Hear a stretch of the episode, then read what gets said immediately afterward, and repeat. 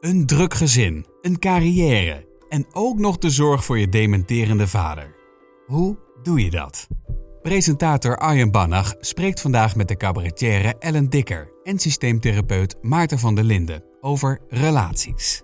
Dit is een podcast van Zilveren Kruis. Ellen, hartelijk welkom eh, in de podcast. Fijn dat je er bent. Uh, en we hebben het intro gehoord. Je bent mantelzorger voor je vader. Um, ja, kan je ons even kort meenemen? Wat heeft je vader precies? Nou, mijn vader houdt niet van half werk. Dus die heeft het dementie totaalpakket. Uh, die heeft en Alzheimer en vasculaire dementie. dat hebben ze via scans vastgesteld. Ja. Um, dus uh, hij is 89 jaar en is heel vergeetachtig. Heeft ook wanen. Uh, ja, eigenlijk alles wat bij dementie hoort, dat heeft hij, denk ik. Ja, en dat noem jij dan een totaalpakketje? Ja. ja. Doe je dit allemaal in je eentje, dat mantelzorgen? Nee, zeker niet. Nee, ik heb twee broers en een zus. Ja. En wij doen het met z'n vieren. En er is natuurlijk ook nog thuiszorg die van alles doet. Maar wij hebben een, een appgroep, de, die heet ook Papa, Papa appgroep. En die is dagelijks heel erg actief. Want er wordt continu afgestemd wie gaat wanneer, wat moet er voor boodschappen. Uh, allerlei brieven, dingen die er rondom mijn vader spelen, die worden daarin gedeeld. Ja, maar ik begrijp hieruit dat hij dus ook nog thuis woont. Zeker. Alles wat, uh, heel veel gaat op routine. Ja. En ik denk als we hem daar uithalen, dat hij helemaal de weg kwijt gaat zijn. Okay. Dus wij doen er alles aan om hem thuis te houden. Wat voor druk legt het op jou? Nou, toevallig had ik gisteren wel een goed voorbeeld, want ik ging naar hem toe. Terwijl er ondertussen zat ik nog te appen met iemand met wie ik samen een klus aan het voorbereiden ben. Dus het werk liep door. Ja. Toen kreeg ik een uh, berichtje dat mijn zoon niet op schoolkamp ging uh, vanwege corona. Dus het was een en al appen en ik moest naar mijn vader en ik kwam daar aan en hij was niet thuis. En dat betekent dat hij weer aan de wandel is. En dat vind ik het engste wat er is, want dat kan hij eigenlijk niet meer. Hij weet nog wel de weg terug, maar hij kan het fysiek niet meer. Uh, dus hij begint te lopen omdat hij niet het overzicht heeft hoe lang die weg kan zijn. En dan moet ik hem in het dorp gaan zoeken. Terwijl ondertussen ben ik aan het bellen met en werk en uh, kind en toestanden. Nou, en dan, dan ben ik wel een beetje gestrest. Hey, en nou zit naast jou uh, systeemtherapeut uh, Maarten van der Linden. Ook uh, welkom aan jou, Maarten. Dank. En ja, je hoort dit zo aan. Wat, wat, wat, is jouw eerste gedachte als je dit verhaal zo hoort van, van Ellen? Nou, iets wat meteen eigenlijk bij me opkomt is een heel simpel idee van alles moet uit de lengte of uit de breedte komen. Je hebt maar zoveel energie en die moet je uitgeven. Is er dan bijvoorbeeld ook één iemand die meer de leiding neemt of die meer, nou, meer voor het zeggen heeft? Want dat is altijd heel lastig. Hè? Je hebt meerdere stuurlui die aan wal staan. Hoe ja. gaat dat? Nou, dat vind ik misschien nog wel een van de ingewikkeldste dingen. Om met, want ik ben heel goed met mijn broers en zus. En we doen het ook echt samen. Maar ja, je staat er soms ook anders in. Mm-hmm. uh, en dat, dat vind ik nog het alleringewikkeldste eigenlijk. Om op één lijn te komen. En uh, ja, wie neemt het voortouw? Wie neemt beslissingen? En, en uh, de app die helpt wellicht ook niet altijd erin. Nee, het is op een gegeven moment ook helemaal spaak gelopen, omdat je inderdaad de toon verkeerd kan vallen.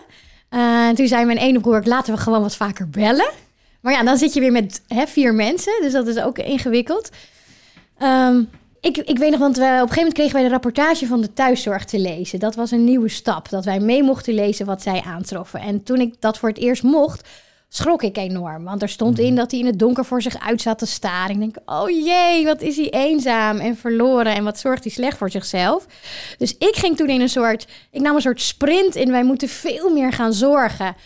Maar ik nam eigenlijk die anderen daar niet goed in mee. Dus ik wilde ineens van alles. En zij hadden zoiets van, ho, ho, ho. Wat, wat is er aan de hand? En dat leverde, heeft toen echt een paar maanden behoorlijk wat frictie opgeleverd. Ja, ik denk emotie hè, kan dan inderdaad ook de boel een beetje ontregelen. En, en het vraagt dus ook altijd om met het hart te denken en met het hoofd te denken. Ja. En dat goed met elkaar af te stemmen. Blijft schipperen. Ja. En nog, als we nog heel veel teruggaan, Ellen. Hè, want van sinds wanneer speelt deze situatie bij jou? Uh, hij is volgens mij een jaar vier geleden hebben we die uh, diagnose gekregen. Wat vroeg het van jou in die begindagen? Nou, um, het begon eigenlijk met dat mijn vader een aantal TIA's had gekregen. Dus het was eigenlijk heel snel duidelijk dat er echt iets aan de hand was. En toen kreeg hij een delier. Dat is dus dat je echt helemaal van het padje bent. En thuis, kan je daar iets over vertellen hoe de situatie thuis misschien is veranderd? Nou, ik heb een hele lieve man en begripsvolle kinderen die ook veel om opa geven. Want opa is ook heel grappig en lief hoor. Dus ze zijn allemaal heel meewerkend. Maar het is wel veel. Wat ik bijvoorbeeld wel pittig vind, is... Ik ben de hele dag bij mijn vader geweest. dat vraagt toch ook wel veel energie. Ik denk, "Ah, ik kom thuis. Maar mijn man heeft de kinderen gedaan. En die denkt, nou, ze is eindelijk weer thuis. Kan jij misschien even... En dan denk ik, laat me even bijkomen. Hè? Dus eh, ja, ik zit wel echt op twee sporen. Ja. Is dat herkenbaar, eh, Maarten? Jazeker. En wat ik ook va- vaak hoor van, eh, het, is ook, het heeft ook iets van een sluipmoordenaar. Het begint vaak de hulp nog wat minder intens, maar er komt vaak ook steeds meer bij.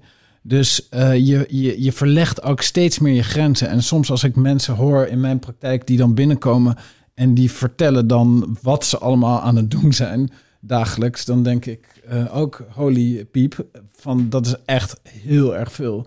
En, en, en dat is dus ook een beetje waar je echt op moet gaan letten. Hè? Eh, kan je buffers inbouwen, ook voor jezelf. Eh, kijk, als, als, als, als ik bijvoorbeeld oplaat door eh, in het bos te gaan wandelen, dan is dat goed om te doen. En maakt mij dat ook leuker in de relatie. Maakt ook dat ik meer buffer heb. Maakt ook dat ik beter kan zorgen. Dus ik denk dat, dat zelfzorg een hele belangrijke eh, is. Dan misschien nog een mooie, mooie vraag richting Ellen. Want eh, ik kan me voorstellen dat in hè, de relatieuitdaging waar jij nu in zit, hè, thuis eh, met je vader, broer, zus. eh, hoe, hoe doe jij dat op dit moment nog, die, die zelfzorg? Nou, ik dacht meteen, ik moet snel met vriendinnen afspreken toen hij dat zei. ja, nee, dat is echt zo, ja. Nou, ik was twee weken geleden, kreeg ik voor mijn verjaardag een weekendje Berlijn. Toen was ik dus samen met mijn partner even twee dagen, drie dagen weg. Ja, heerlijk is dat. Dat doet echt goed. Ja. Ik zie jouw gezicht echt oplichten. Dus, dus de, je ziet haar letterlijk aangaan aan tafel. Weet je? Dus ik denk, wat zijn die dingen waarvan je aangaat? Hè? Eh, vriendinnen, wijn drinken. Ik vul het even in hoor. Eh, Maar, maar, maar, maar, het kan van alles zijn. Want dat maakt je ook een leuker mens in relaties. En dat maakt ook dat je draagkracht groter is eh, in de mantelzorg. Dat maakt ook dat je leuker bent voor je kinderen en je partners. Ja, Ja, we hebben het echt verdeeld. Dus mijn ene broer doet de financiën van mijn vader, de ander doet de boodschappen. Ik ben de schakel tussen thuiszorg en mijn Weet je, dus we, we hebben allemaal onze taakjes eigenlijk gekregen. Maar het wordt inderdaad steeds meer, want dat hij nou weer steeds zoek is, dat levert weer een nieuw. Ja, moeten we daar weer hulplijnen voor inschakelen?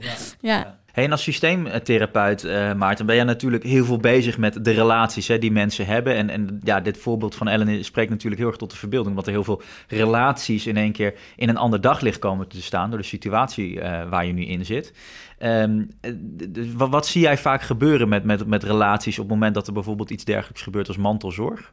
Nou ja, bijvoorbeeld als je het met een team aanpakt, hè, zoals jullie. Ik denk, ik, ik heb er veel respect voor als ik hoor jullie dat doen. En ik denk dat jullie het heel goed doen dat jullie dat managen. Weet je, dus dat je echt die taakjes, eh, eh, zeg maar, aan iedereen toekent.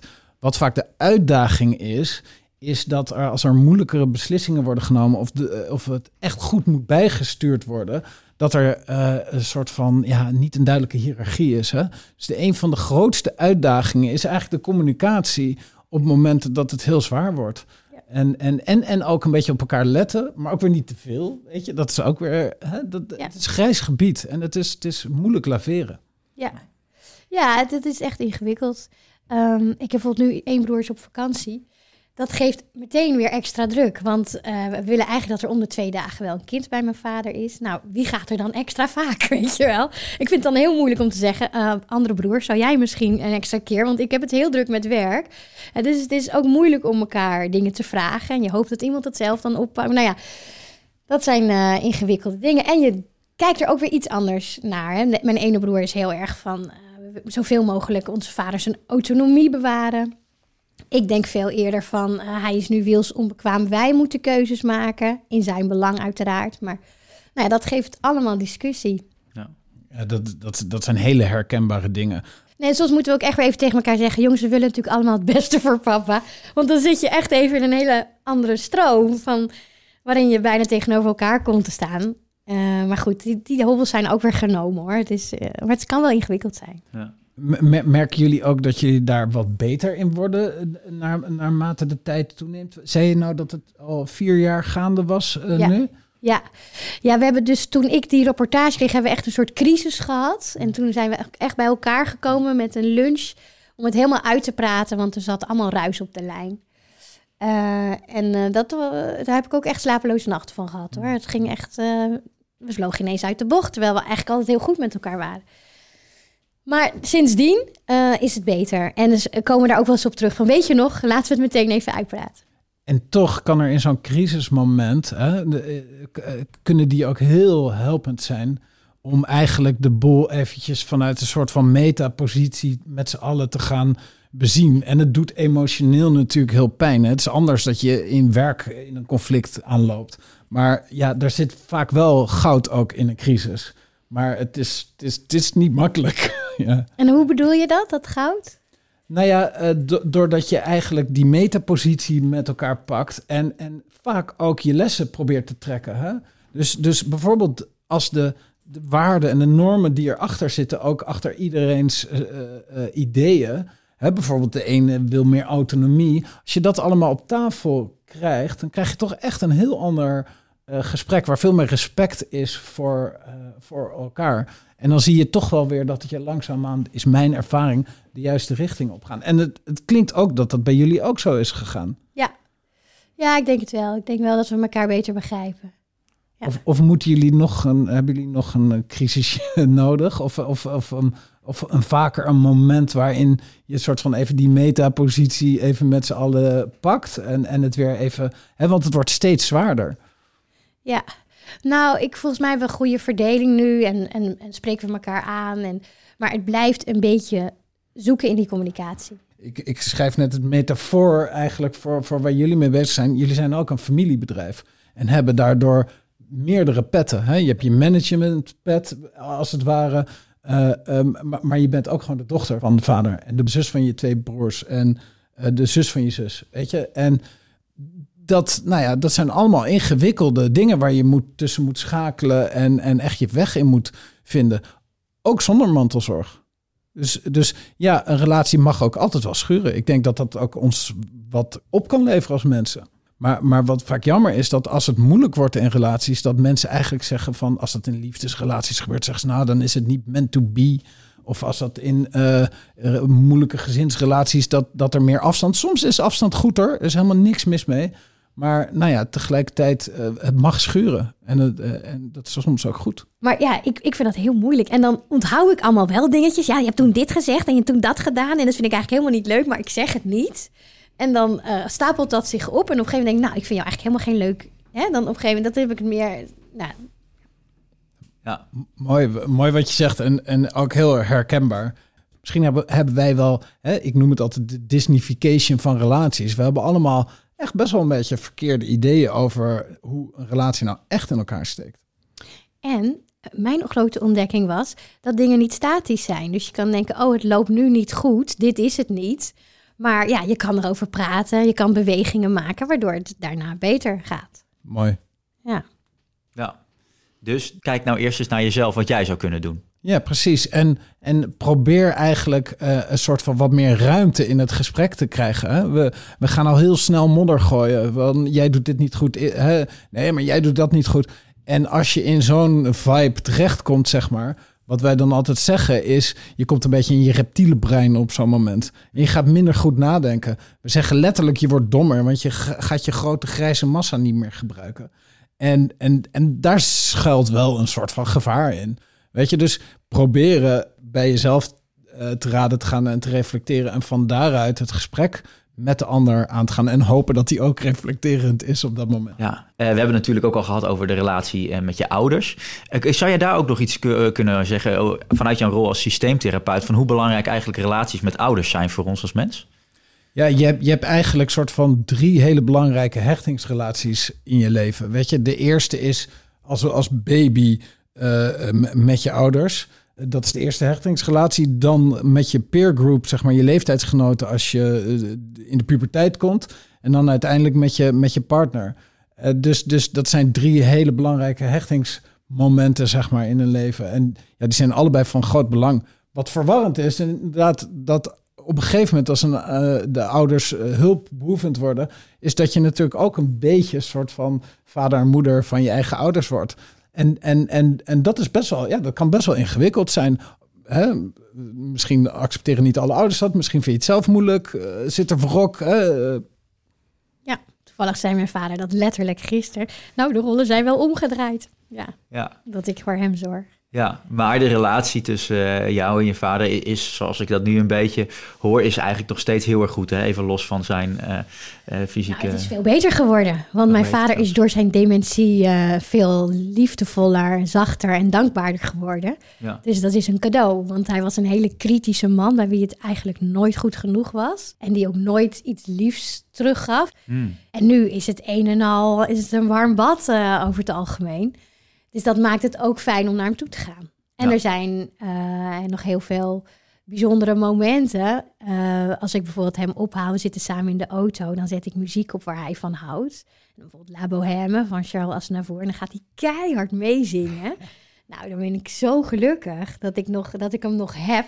Ja. Ook al is hij een andere man geworden. Uh, want veel mensen hebben volgens mij ook moeite met het afscheid van degene die het was. Uh, maar het wordt iemand anders en, ik, en dat kan je echt een nieuwe relatie ook mee opbouwen. Mooi. Dus we zouden kunnen zeggen dat het eerste stapje richting vruchtbare relaties is misschien allereerst wat meer tijd voor jezelf nemen. Dat lijkt een beetje uh, ja, precies het tegenovergestelde, maar daar zou je misschien wel kunnen beginnen. En zorg goed voor jezelf, want als jij goed in je vel zit, dan word je automatisch een leuke persoon om mee om te gaan. Uh, zeker. Buffers bouwen, eigenlijk zeg ik het altijd, zodat je gewoon goed de boel kan opvangen, ja. zeg maar. En je volwassen rol in kan uh, nemen, zoals je denk ik heel mooi doet, als ik het zo hoor. Mooi. Dan uh, wil ik jullie graag hartelijk danken voor het, uh, voor het mooie gesprek. Maarten en Ellen, dank jullie wel voor de prachtige verhalen. En hopelijk hebben de luisteraars hier veel aan. Bij Zilveren Kruis stelt alles mee als het om gezondheid gaat. Van genoeg bewegen en ontspannen tot gezonde voeding en goed slapen. Maar ook de omgeving waarin je woont en werkt en de dierbaren om je heen zelf aan de slag met het totaalplaatje van jouw gezondheid? Ga naar zk.nl/slash magazine voor praktische tips, handige tools en meer inspirerende podcasts.